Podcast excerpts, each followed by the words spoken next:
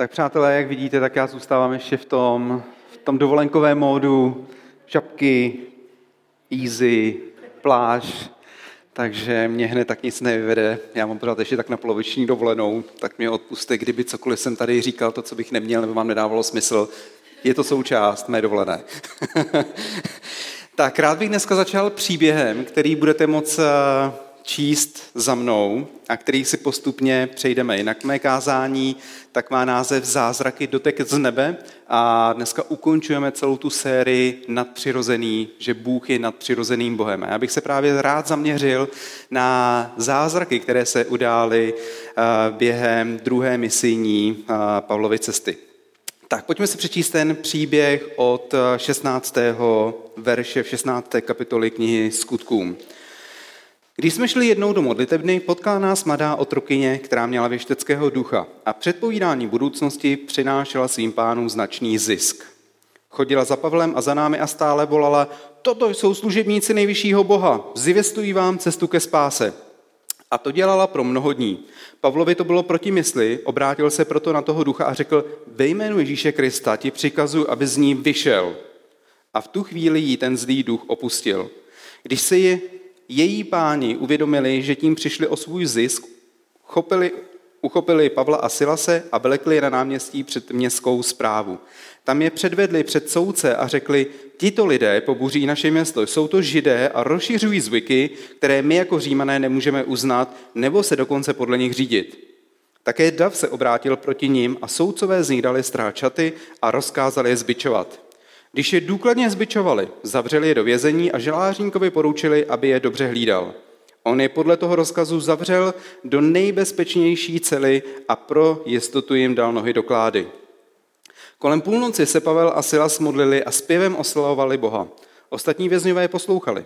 Tu náhle nastalo veliké zemětřesení a celé vězení se otřáslo až do základů. Rázem se otevřely všechny dveře a všem vězňům spadla pouta.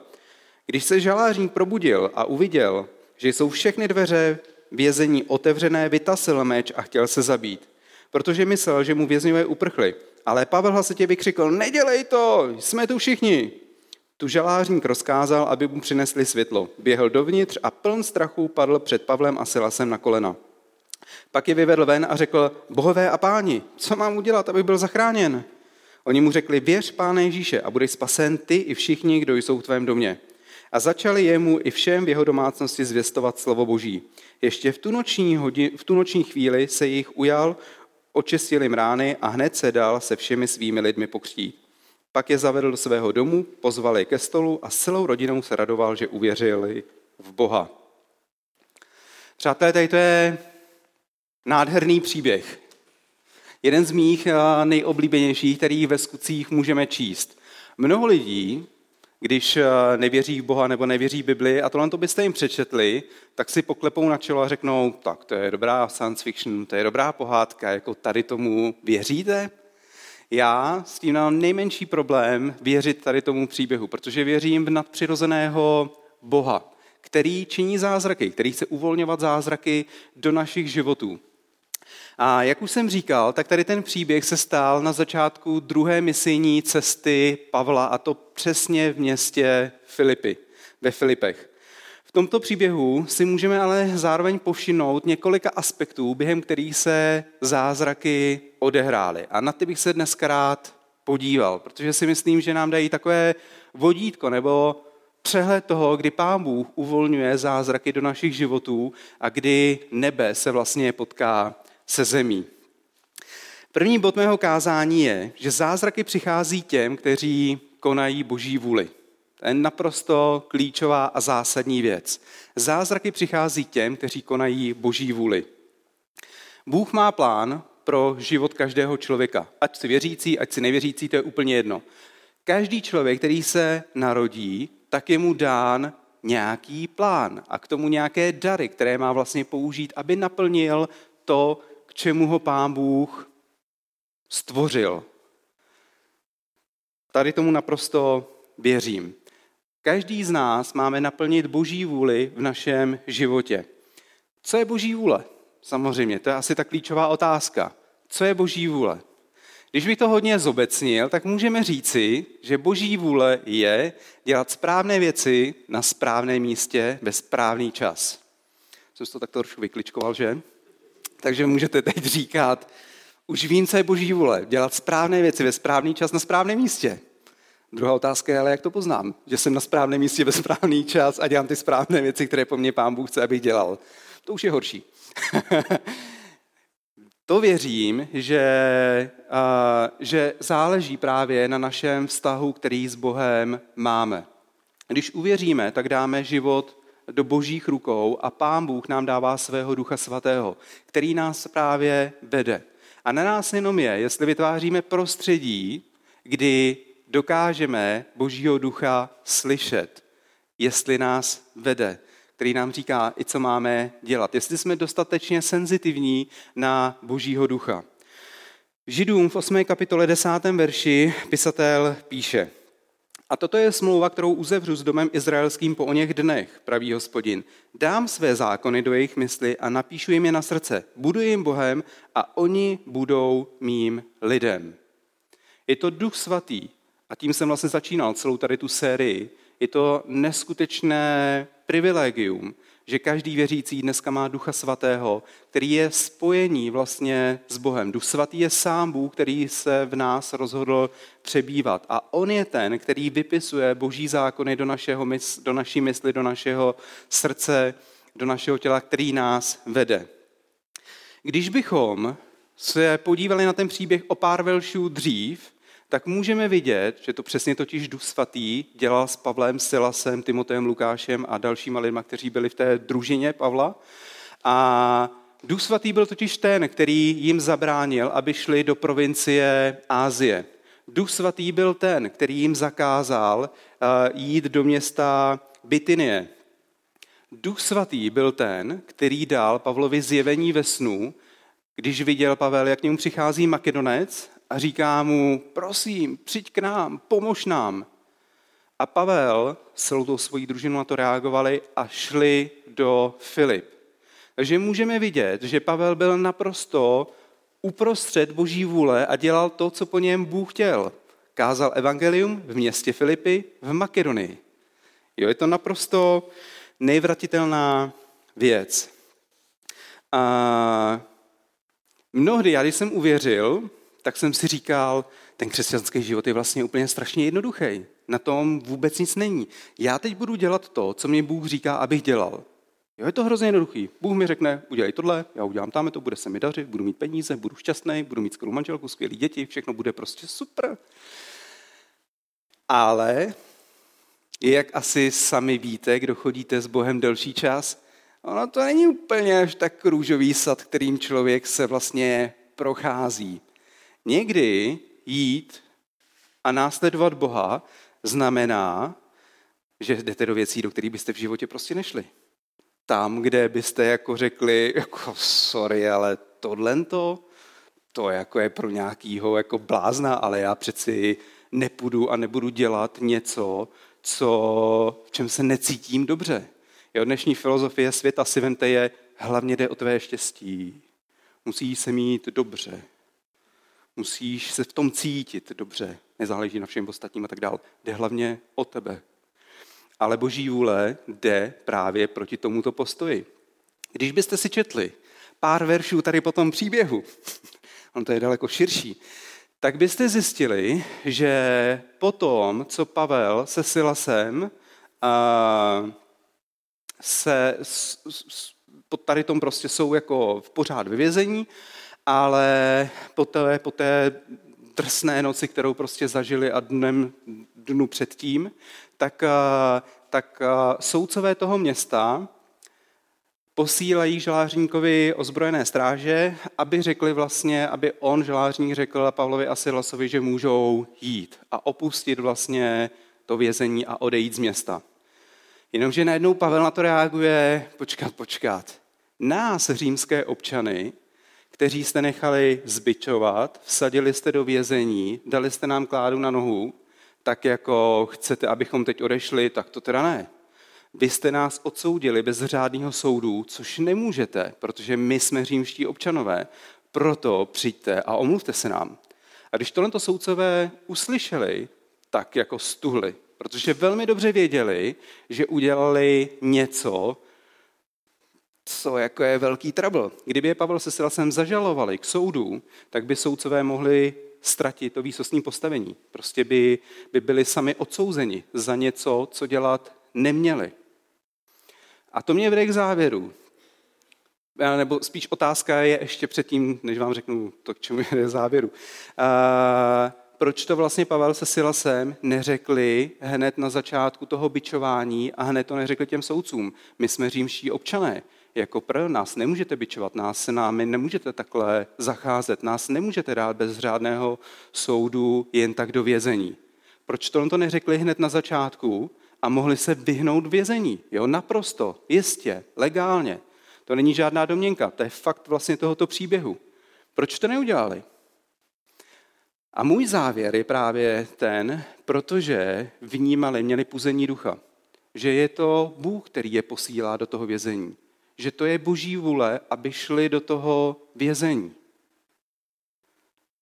Možná to pro vás radikálně, když tak na mě teď koukáte, si nevím vůbec, co si mám myslet, ale, ale já věřím, že to byl Duch Svatý, který je vedl do toho vězení. Boží vůle není procházka růžovým sadem. Boží vůle je, že někdy půjdeme právě do věcí, do kterých bychom v životě nešli. Do kterých se necítíme dobře, ale je to prostě boží plán, který který máme nějakým stylem naplnit. Takže první bod mého kázání, zázraky přichází k těm, kteří konají boží vůli.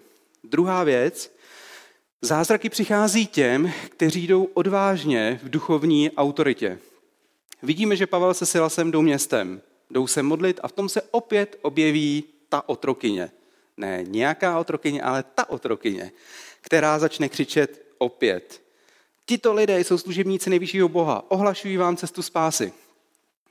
A co se nestane, než aby Pavel se Silasem znova jako hrdě běž náš Jane Křtiteli, ohlaš tu cestu před námi, připrav nám ji, tak se Pavel naštve a běžene z ní toho věšteckého ducha. To mě zase vede k určitému závěru, že věštecký duch, kartářský a tak dál, tak to není úplně asi duch, který by byl od Boha, že? Je zajímavé, jak neustále Satan se snaží padělat všechny věci, které vymyslel Pán Bůh a které tady ustanovil. Když si vezmete, tak démoni jenom kopírují něco, co vytvořil sám Bůh. To, co je největší paradox, je, že Bůh to používá pro dobré věci. Jo, v rámci duchovních darů tak je dar proroctví, který slouží k budování církve, k budování lidí, k něčemu, co přináší dobro na tuto zem. Jo, věštectví, kartářství a tak dál spíš znova vede do nějaké sebe, uh, sebeuspokojování nebo rozšiřování sebe nějakých uh, věcí. Rozhodně to neslouží k budování, k něčemu dobrému, ale slouží to pro něco špatné. Ale je zajímavé, jak v té duchovní oblasti jak Satan se snaží prostě padělat určité věci a napodobovat něco, co vymyslel Bůh. A používá to pro špatné věci oproti těm eh, božím věcem, ty, které vymyslel sám Pán Bůh. Takže můžeme vidět, že Pavel se Silasem jsou uprostřed boží vůle a dělají to, co po nich Bůh chce. Jdou odvážně v duchovní autoritě, Pavel má rozpoznání věšteckého ducha a tak ho vyhání. Jo, možná si říkáte, jo, já jsem uprostřed boží vůle, věřím tomu, dělám to, co po mně pán Bůh chce. Jo, spravuji svoji rodinu, jsem zaměstnán, jsem zapojen prostě v církvi, nevím, kde jinde by mě pán Bůh chtěl mít. Dělám prostě to, co po mně pán Bůh chce. Ale jako duchovní autorita, vyhánění démonů, jeho používání duchovních darů, jako tomu já už moc jako nerozumím. To mě tak jako víc mí, nevím možná pro nějaký jiný jako bombardáky, tamhle pro nějakého pastora, tamhle pro nějakého, jako já nevím, kazatele, evangelistů, pódiovýho a tak dál, ale já to jako moc nevím, nevidím. Duchovní autorita, přátelé, je dána úplně každému věřícímu, naprosto každému věřícímu. Sám uh, Kristus Lukášovi říká, hele, uděluji vám moc šlapat po hadech a štírech i po veškeré síle nepřítele a vůbec nic vám neublíží.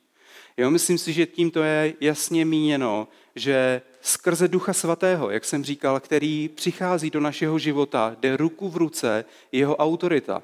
Je, jsou to duchovní dary, které přináší právě autoritu, která nám byla dána skrze víru v Ježíše Krista pro demonstraci Božího království eh, v našem životě, skrze náš život do životu ostatních eh, lidí.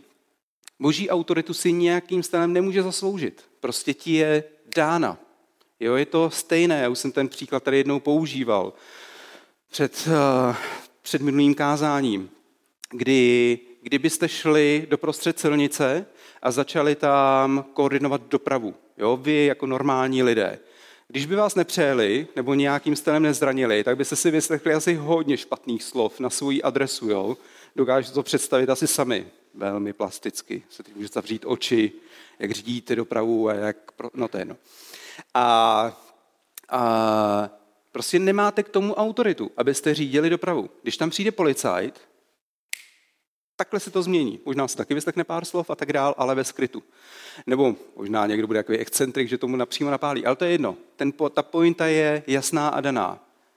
S tím, že je policajt, že má ten mondur, tak, mu, tak má danou autoritu. A my jako křesťané máme boží autoritu. Akorát se ji potřebujeme naučit používat. Potřebujeme najít duchovní dary, které nám byly dány. Jo, a to je prostě forma hledání, zkoušení a podobně. Ale největší mílka je, když to odsuneme a řekneme, duchovní autorita ne jako. To jako je pro jiný lidi. To není jako pro mě. Já jako, mě stačí to, co prostě dělám a podobně. Jo, tím vás chci jenom pozbudit.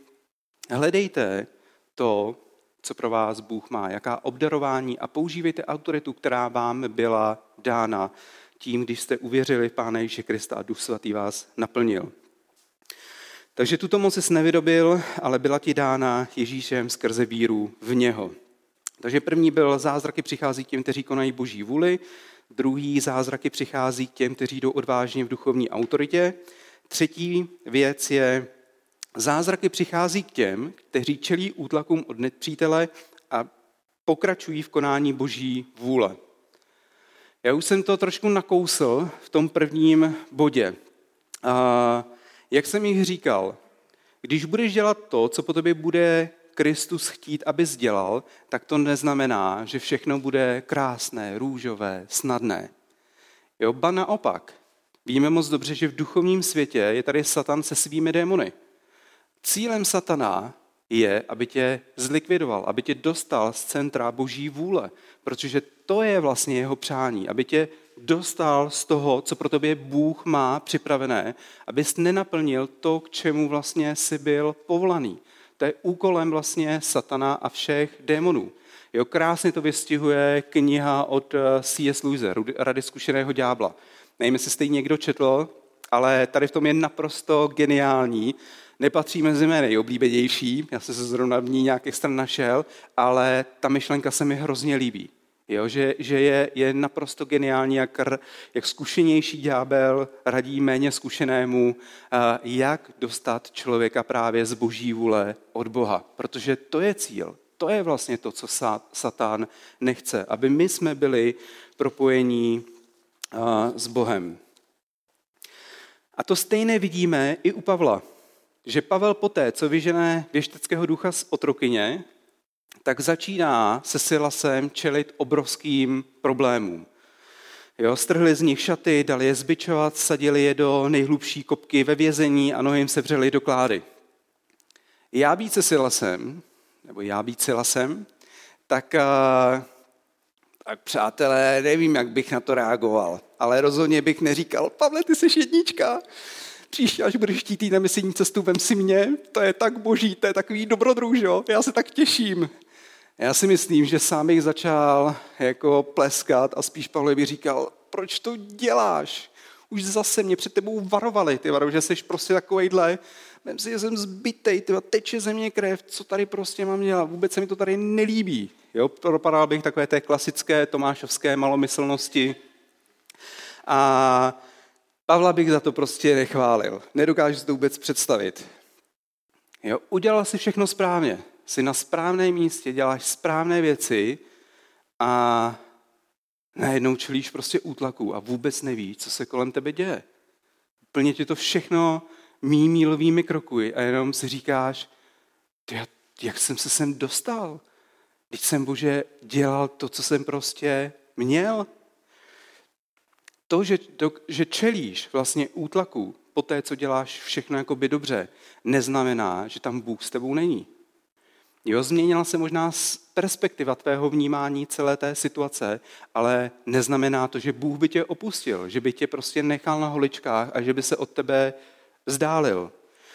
Jo, já pevně věřím, že bolest je součástí prostě našeho života. Že nemůžeme se vyhnout bolesti v našem životě. Bolest má mnoho podob, ale my nedokážeme se jako lidé vyhnout bolesti.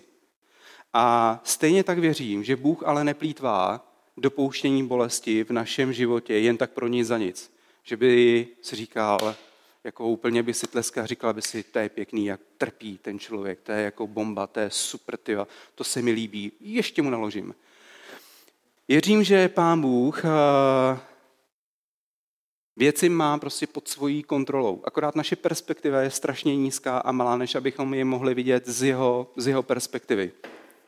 A to, co já si vždycky říkám, když prožívám těžké situace, tak eh, se nesnažím už porozumět té situaci. Proč se mi děje to, co se mi děje? A to je velmi častá totiž otázka, do které člověk spadne, jako proč? Bože, proč?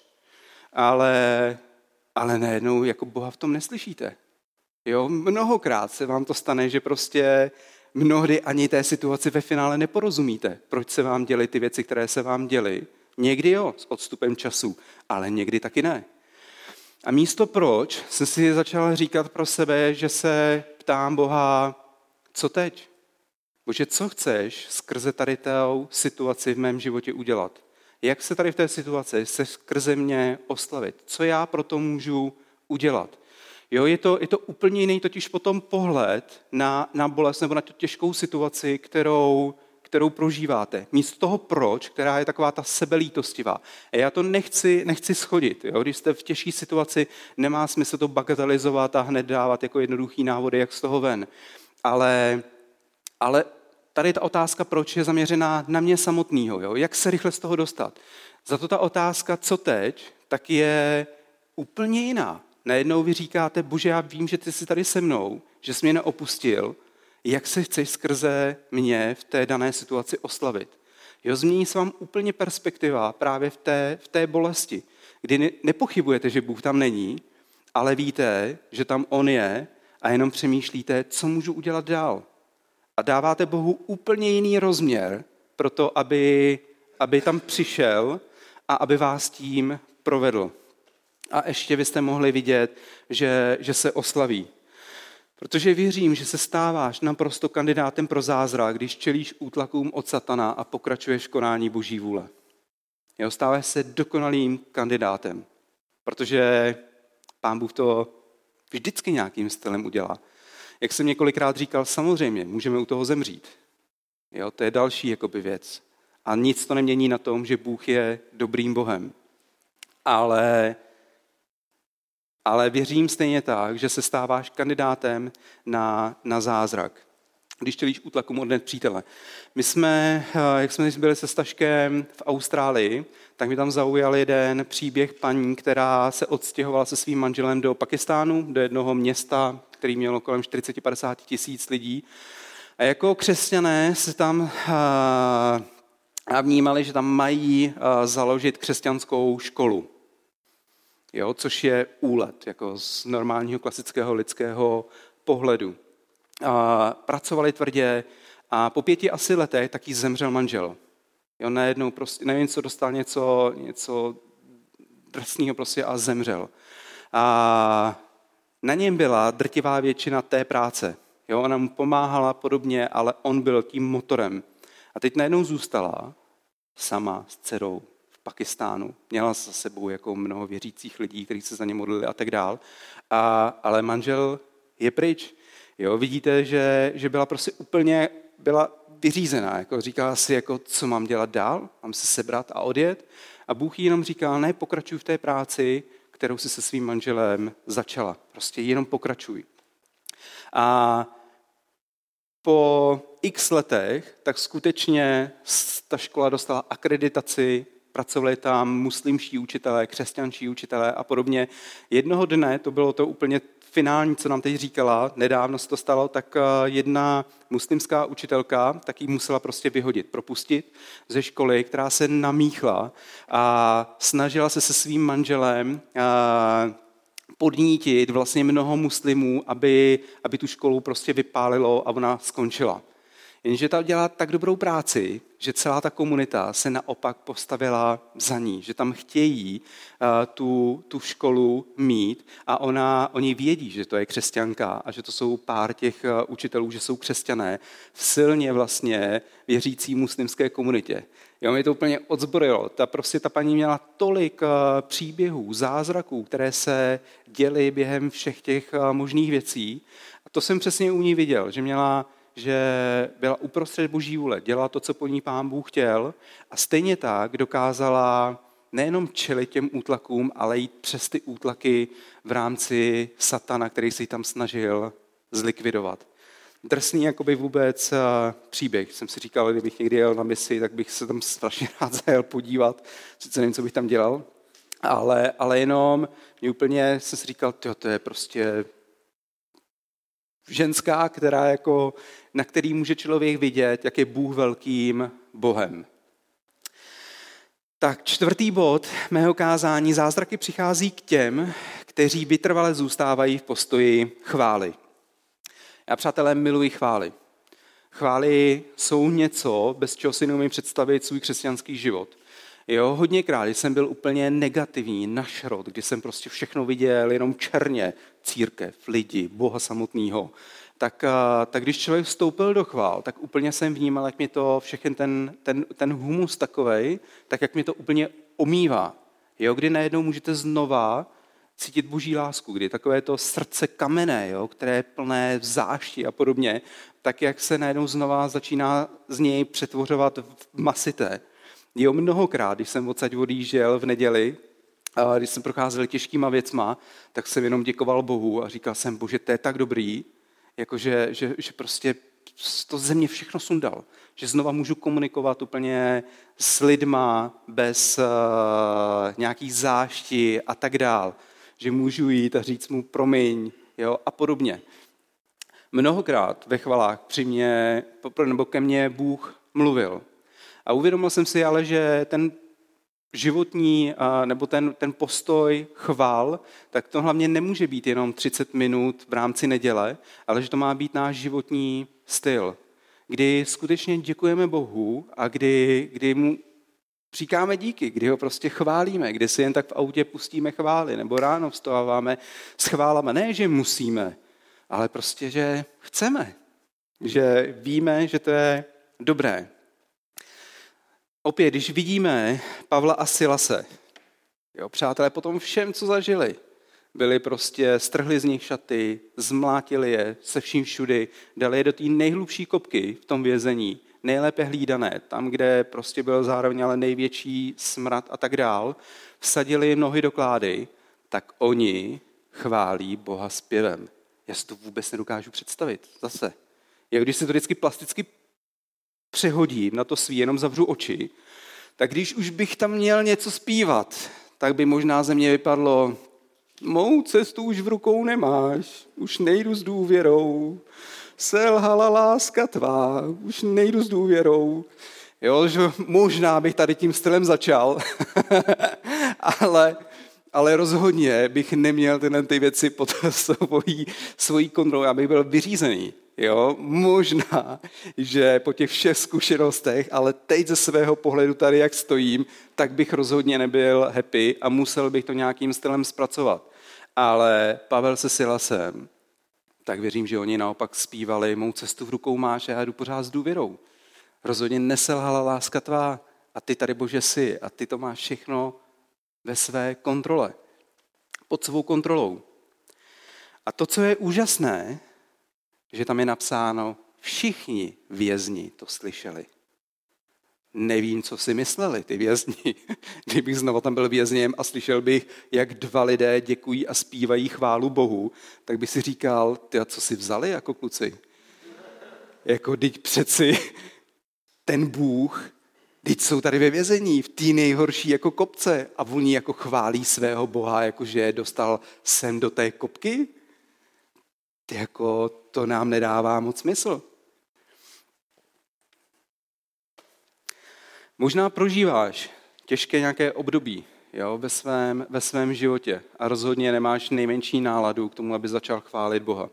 Možná ho i sám obvinuješ, říkáš si přesně, proč Bože, proč jsem tam, kde jsem. Já jsem se to snažil dělat co nejlépe a vidíš, kde prostě jsem. Myslím si, když my chválíme Boha nebo začneme chválit Boha, tak najednou se začíná radikálně měnit něco v našem, našem životě. A v životech ostatních lidí okolo nás.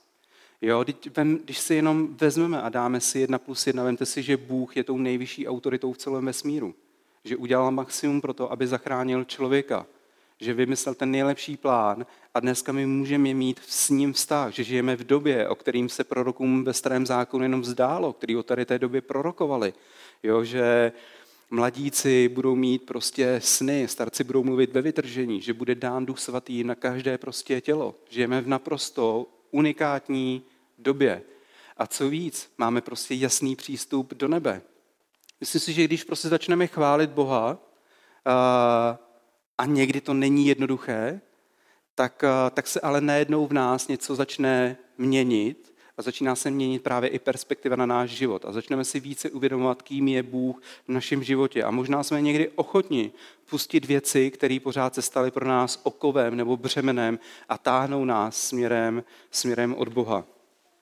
Pavel v listu Efeským 5.18 píše a dál. Neopíjejte se vínem, což vede prostopášnosti, ale nechávejte se naplnit duchem. Promlouvejte k sobě navzájem v žalmech, chvalospěvech a duchovních písních. Svým srdcem zpívejte a hrajte pánu. Vždycky za všechno děkujte Bohu a Otci ve jménu našeho pána Ježíše Krista. Přátelé, to píše Pavel, jo, který byl, já nevím, kolikrát byčován, který byl nevím kolikrát vyvezení, který nevím kolikrát stroskotal, který prostě se mu bortila církev v Korinty, který na něj prostě šly pomluvy ze všech jakoby stran, který zažil neskutečně krusné časy ve svém životě a málo kdo z nás by to dokázal ustát, tak i on. A píše vždycky za, všech, za všechno. Děkujte prostě Bohu. On si uvědomoval, že Bůh je tou nejvyšší prostě autoritou, že on je láska i přes všechny ty okolnosti a tvrdé věci, které jima člověk musí někdy projít. Takže skrze modlitbu a chválu Kristu a Pavla a Silase se otevřely vyvězení všechny dveře a všem vězňům spadla pouta. Přátelé, všem vězňům spadla pouta. Všechny dveře vyvězení se otevřely. To je úplně, to miluju na tom všem. Nebylo to jenom, že Pavel a Silas, že jim spadla pouta a otevřely se dveře, ale všem vězňům, všichni ti vězni, kteří slyšeli Pavla a Silase, jak tam chválí Boha a jak mu pějí chvály. Jo, to je úplně geniální. A zrovna mi to jenom vede k tomu, když my chválíme našeho Boha, tak to má velký dopad na všechny lidi okolo nás, včetně našich dětí. Já nevím, jak často chválíte Boha doma, společně. Jo, my moc často ne. Modlíme se a podobně, ale to jsem si uvědomil tady v tom příběhu, že to má velký dopad na lidi okolo nás. A chvála našemu Bohu a díky našemu Bohu tak, eh, tak vede do, do svobody. Nejenom nás samotné, ale lidi, kteří jsou okolo, okolo nás. Takže to i já sám jsem si říkal, že bych eh, měl daleko více s našimi dětmi prostě chválit Boha. Jo, třeba si dát nějakou prostě chválu nebo něco takového, aby ten životní styl chvály nebyl pro ně jenom v neděli, anebo jenom, aby to nebyla modlitba před spaním. Ty máme a v tom je úplně skvělá, že si čte s nima Bibli každý, každý večer a biblické příběhy a podobně, ale že by to mělo být opravdu náš takový životní styl, protože chvála radikálně mění, uh, uh, radikálně mění situaci prostě okolo nás a včetně, včetně nás a lidí okolo nás. Tak a poslední, přátelé, bod, je, že zázraky přichází k těm, kteří si uvědomují, že největším zázrakem je spása duše. Znova, když ten příběh se stromluzu naposled, tak eh, můžeme vidět, že Pavel se Silasem si projdou hustou situací. Vyženou věšteckého ducha z otrokyně, eh, jsou za to zbyti, svázání řetězy ve vězení, večer se modlí, říkají Bohu, bože, děkujeme ti, že ti můžeme patřit. Máš všechno pod svojí pevně kontrolou a my tomu věříme a děkujeme ti, že jsi tak dobrým Bohem. Chválí Boha zpěvem a v tom se stane zázrak, že jsou otevřeny dveře všechny ve vězení a všem těm ve vězení vězňům spadnou pouta. Kdyby tady ten příběh skončil, tak je to naprosto geniální příběh. A slyšeli byste dobré kázání. Kdyby tady ten příběh už skončil, jenomže ten příběh dál pokračuje, protože Bůh ještě neudělal to, kvůli čemu Pavel se Silasem do toho vězení vlastně přišli. Žalářínka to probudí a vidí, co se stalo. Chce se zabít a proto, protože věděl, že kdyby mu nejenom nějaký vězeň uprchl, nebo kdyby mu jeden vězeň uprchl, tak už by za to nesl, nesl svoji osobní zodpovědnost. Na tož pak, když by celé vězení bylo vylidněné. A věděl, že aby si uchoval nějakou čest, takže je lepší se prostě propíchnout meše, mečem, než eh, aby šel vlastně před soudce a zdůvodňoval jim vůbec, co se, co se dělo. A člověk by si možná i řekl, dobře mu tak, žalářníkovi. Jo, určitě se nechoval k vězňům v rukavičkách, stejně tak se nechoval ani dobře Pavlovi a Silasovi. Jo, to je důležité podotknout. Já si nemyslím, že jim tam začal mít nohy a tak dál. Byl prostě brutální, byl to šéf věznice a, a on se zapříčinil o to, že Pavel se Silasem samozřejmě vykonával jenom rozkazy, ale že Pavel se Silasem se ocitli tam, kde se ocitli. Ale i přesto všechno Pavel k němu nemá vůbec žádnou zášť. A zadržuje ho, aby nespáchal sebevraždu.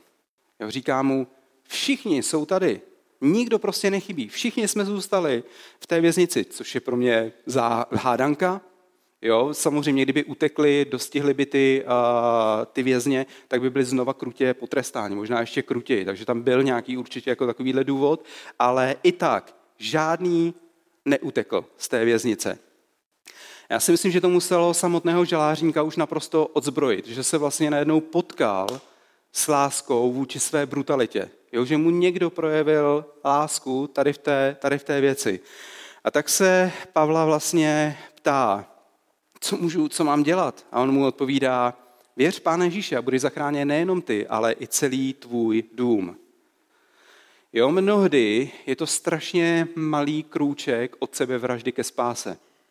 Když člověk prožívá těžké období, kdy už neví, co se svým životem, kdy vyloženě jako reálně přemýšlí nad sebevraždou, když někde stojí a chce, a chce skočit, a když mu někdo řekne, můžeš být zachráněn, může tvůj život být úplně radikálně jiný, tak ten člověk samozřejmě daleko lépe si myslím, že potom přijímá Krista. Já sám jsem přijal Krista na základě toho, že jsem věděl, že můj život je v háji. Jo, nepřemýšlel jsem nad sebevraždou, ale věděl jsem, že jsem došel na hranu, kdy jsem si uvědomil, že vlastně jako jsem vážně v háji. Že můj život jako úplně postrádá jakýkoliv potenciál, jakoukoliv budoucnost v mém životě. A tady v tom momentě jsem řekl, fajn, tak jestli nějaký Kristus je, jak ho můžu poznat? Je na tož pak od sebevraždy, když víte, že jste ztratili naprosto veškerou budoucnost. Je jenom malý krůček ke spáse. A Pavel v Timoteovi píše, že Kristus přišel hlavně zachránit hříšníky. Přišel zachránit každého člověka. Každý je hříšný. Jo, můžeš být bohatý, chudý, hezký, méně hezký, vzdělaný, méně vzdělaný, to je úplně jedno. Ale každý vlastně z pohledu Bible je hříšník.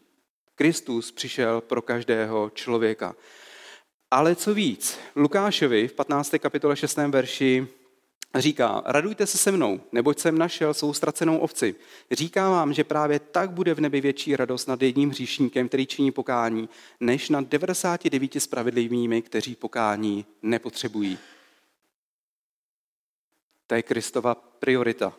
Celé nebe se raduje, když hříšník dá svůj život Bohu. Vemte si to.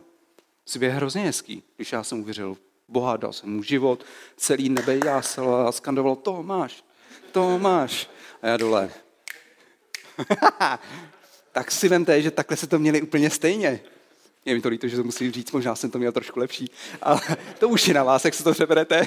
Ale celé nebe skandovalo, když vy jste, nebo vaše děti, nebo vaši přátelé, nebo úplně kdokoliv, dali život Bohu. To je hezká představa. Protože pro Krista to je naprostá priorita. Pro něj tím největším zázrakem je spása duše. Proto přišel na tento svět. To je naprostá priorita. Žalářník a jeho rodina spolu s Lídí byli u zrodu církve ve Filipech.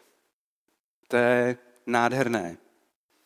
A tato církev nejenom, že byla první v Evropě, ale tato církev skutečně Pavla milovala, za ním stála a Pavel miloval je. Byla to jediná církev, která ho hmotně podporovala na jeho misijních cestách, která za ním stála. Dokonce o deset let později, tak tady ta církev posílá dar do vězení Pavlovi v Římě, když je ve vězení, aby naplnila jeho potřebu. A Pavel na základě toho píše jim jeden z nejkrásnějších dopisů v Novém zákoně, kde slovo radost, i když ta situace, ve které Pavel byl, tomu vůbec nenasvědčuje, je tam použito v tom dopise více jak 16krát ve všech jeho konotacích. A to jenom díky tomu, že Pavel se Silasem konali boží vůli, že stáli v duchovní autoritě, že dokázali čelit útlakům od nepřítele, měli postoj chvály a byli si vědomi, že tím největším zázrakem je spása duše. Rád bych vás, přátelé, pozbudil. Tím ukončili tu celou sérii nadpřirozený. My máme opravdu nadpřirozeného Boha, který chce uvolňovat zázraky do našich životů. Možná i dneska v naší zemi, v naší církvi vidíme méně, než bychom si přáli. Ale chci vás jenom pozbudit v tom, abychom se nikdy nesoustředili na zázraky. Nikdy se nesoustředíme na zázraky. Soustředíme se na to, co je podstatné a tím je náš vztah s Bohem. Protože z tohoto vztahu potom všechno ostatní vychází. Že jsme ochotní jít do boží vůle, jít do věcí, do kterých bychom třeba nikdy jindy nešli. Ale tam ty zázraky jsou produktem vlastně té boží, boží vůle. Že se naučíme používat duchovní autoritu, která nám byla dána. Že dokážeme čelit nejenom útlakům od nepřítele, ale jít v tom dál. Tak zase můžeme vidět, jak bocného a dobrého Boha máme. Že žijeme postoj chvály. A co víc, vždycky víme, že pro Krista je prioritou, naprosto prioritou člověk. A najednou se chováme jinak, nejenom k sobě navzájem, k věřícím lidem, ale i k nevěřícím lidem. Protože pro Boha seš naprosto vzácným člověkem, seš unikátem. Jo? A my máme někdy tendenci to všechno balit a urážet a říkat, jak ten člověk by se měl chovat a tak dále, než abychom ho vedli sami k Bohu. Aby mohl vidět, jak je vzácný v božích očích. A stejně tak i lidi okolo, okolo nás. Takže nesoustřeďme se na zázraky, soustřeďme se na, na Krista, ze kterého potom vychází kompletně celý náš, náš život. Nesjíždějme konference zázraků. Někdy je dobrý tam jet, jo? nechci to hodit na, na, tu, na tu jenom rovinu, ale, ale znám turisty, kteří jenom sjíždějí konference zázraků a jsou schopni projet celou země kouli dvakrát do, do toho do roka pomalu. A, a úplně je mít to podstatný. Jo? Soustřeďme se na to, na to, ze čeho všechno ostatní vychází a tím je Kristus. Můžu kluci vás poprosit, jestli bychom dali poslední chválu. Já se budu na závěr modlit. Můžete říct Bohu cokoliv. Máte teď na srdci, jestli vás něco zaujalo, jestli byste něco chtěli vypíchnout a podobně. Já vždycky jenom vás taky bych rád pozbudil. Využijeme ten čas i během té poslední chvály a řekněme Bohu, co nás trápí, nebo co nás těší. Zdejme mu chválu, zdejme mu díky, ale ať odsaď můžeme odejít naplnění Duchem Svatým z vizí, že máme dobrého Boha a že se chceme posunout v našem životě o krok dál směrem k němu. Pane Ježíš, děkujeme ti za, za to, jak jsi dobrým Bohem. A vím, že tento život je neustále objevování tebe, tvé vůle, toho, jak máme jednat, jak se máme chovat. Je to cesta pokání, o které mluvil dneska Staše, kdy se obracíme v našem myšlení k věcem, které jsou prostě z nás a které potřebujeme změnit. Nedá se to nalajnovat, nedá se říct prostě tady to je ta cesta, po ní všichni, všichni utíkejme, ale je to skutečný vztah, život, objevování, pane. Kdy mnohdy my děláme špatné věci a pak znova vstaneme v tobě a znova prostě jdeme dál, znova spadneme, znova vstaneme. Ale prosím tě, ať v tom vše máme vždycky srdce, které bije pro tebe, pane. Ať ty jsi pro nás naprostou prioritou. Ať naše děti, naše okolí může vidět, že ty žiješ v nás, pane že každý ten pád naopak s větší noblesou vstáváme v tobě, že přinášíme život, svobodu, jak v životu ostatních lidí, tak my sami žijeme ve svobodě, kterou si nám Kriste vydobil na kříži. Že to není svoboda, kde si pleteme pojmy s dojmy, ale že to je svoboda, kdy můžeme žít v pravdě v tobě, pane. Chválím tě na tomto místě a děkuji ti a prosím, ať ten čas, který je před námi ještě, tak eh, ať k nám mluvíš, pane, a ať odsud odejdeme. A nejenom z vizí, že jsi dobrý Bůh, ale s radostí v srdci, že jsme tě mohli potkat, pane. Amen.